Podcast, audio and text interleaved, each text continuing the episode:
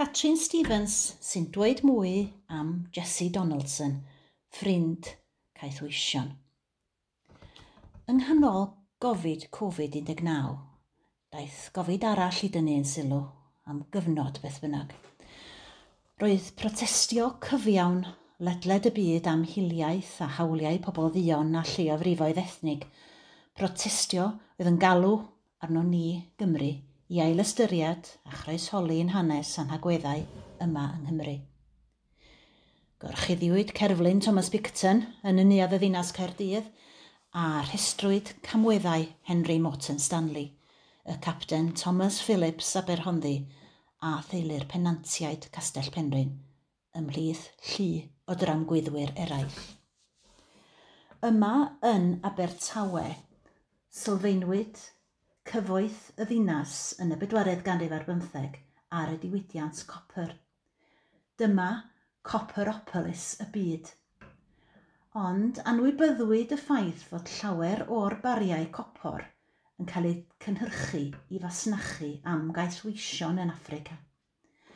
Mae'r manilas, y brechledu copr, o'r gweithfeidd i'w gweld yn amgueddfa Abertawe heddiw yn dyst i'r cyswllt a'r fasnach greulon hon.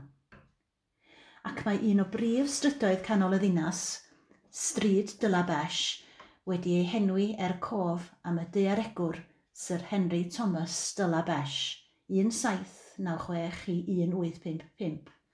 Yr oedd ei deulu wedi ymgyfoesogi trwy lafu'r caethwision a'r blanhigfa yn Jamaica. Ond nid dyna'r holl stori. Yn Abertawe, yr oedd yr unig gangen hyfiw yng Nghymru ar ddechrau'r bedwaredd ganrif ar bymtheg o'r mudiad gwrth gaethwasiaeth. Ac mae hanes un o'r menywod fy'n ynglwm ar ymgyrch honno yn werth ei hadrodd. Dim ond trwy lwc y darganfu'r athro Jen Wilson, treftadaeth Jazz Cymru, stori ryfeddol Jesse Donaldson roedd yn pori drwy bapurau newydd yn yr archifdi pan welodd gofnod mewn sgwar di yn cofnodi marwolaeth Jessie. Roedd hwnnw'n nodi iddi dreulio deng mlynedd yn America yn cynnal tŷ diogel i gaethwision dion oedd yn ceisio ffoi o'r de i'r gogledd ganol y bedwaredd gan y bymtheg. Tanio i deud ychymyg. Ac wrth ymchwilio, dysgodd am hanes anghofiedig diflanedig y teulu Donaldson.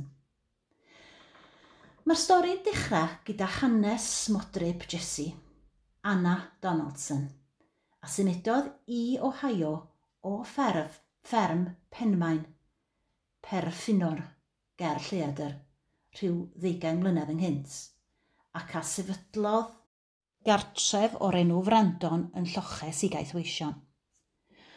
Roedd gwrthwynebiad chwyrn ar y pryd i ddiddymu caethwasiaeth yn America, a cwynebodd y teulu lid pleidwyr caethwasiaeth. Ymosododd tyrfa o derfysgwyr ar y cartra a caeth Anna a'i merched allan i'w cyfarfod ei herio. Roedden nhw'n honni nad oedd y dynion gartre, a'i hanfon oddi yno'n waglaw. Yn y cyfamser, cynnal ysgol i Young Ladies and Gentlemen yn Stryd y Gwynt Abertawe oedd Jessie pan gwrddodd hi a mab Anna, ei chefnder Francis Donaldson. Yn 1840, priodon nhw yn eglwys y Betws Sir Garfyrddin ac yna, yn 1856 penderfynu gadael Abertawe a symud i gartra newydd yn Cincinnati, Ohio.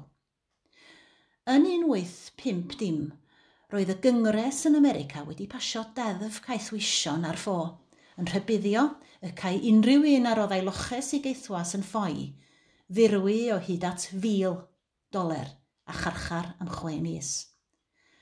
Roedd cynnal tri thŷ diogel ar gadwyn rheilffordd dan ddearol y caethwision yn Frandon, Penmaen, cartre brawd Francis Thomas Donaldson, a Claremont, cartre Francis a Jessie yn beryglus iawn. Afon Ohio oedd afon Iorddonen y Caethwision, yn gwahanu planigfeydd erchill Kentucky a'r hyddid Cincinnati. Hi oedd Deep River Caneuon y Ceithion, a dyna arwyddo cad y cyfeiriadau yn y gan in the River of Jordan. Byddai perchnogion y tai diogel yn hongian cwiltiau lliwgar allan ar lein ddillad ac yng nghynlluniau rhai ohonynt, byddai cyfeiriadau i ddangos y ffordd i ryddu di'r caethweision. Dwedir bod 30,000 o gaethweision di dianc ar hyd y llwybrau hyn. Yn y pair cyffroes hwn y bu Jessie a Francis yn byw am ddeng mlynedd. Ond yn 1861, torodd y rhyfel cartra allan rhwng y de a'r gogledd a dychwelodd Jessie a Francis i Abertawe yn 1866 a'i gwaith wedi ei gwblhau. Bellach roedd Abraham Lincoln a byddin y gogledd wedi ennill y rhyfel a'r ddeddf rhyddfreinio wedi ffasio. Bu Jessie fyw i oedran mawr gan farw yn 90 mlwydd oed yn 1889.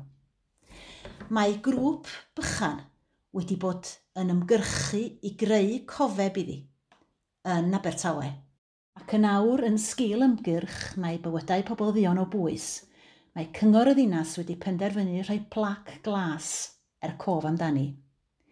Caiff ei osod ar adeilad campws dinefwr Prifysgol y Dreindod Dewi Sant ger Grove Place, lle bu Jessie a Francis yn byw am gyfnod, ac yn edrych i lawr o ddiechod ar stryd Dyla Besh islaw. Darllenwyd hwn gan Delys Roberts, Cangen Golan.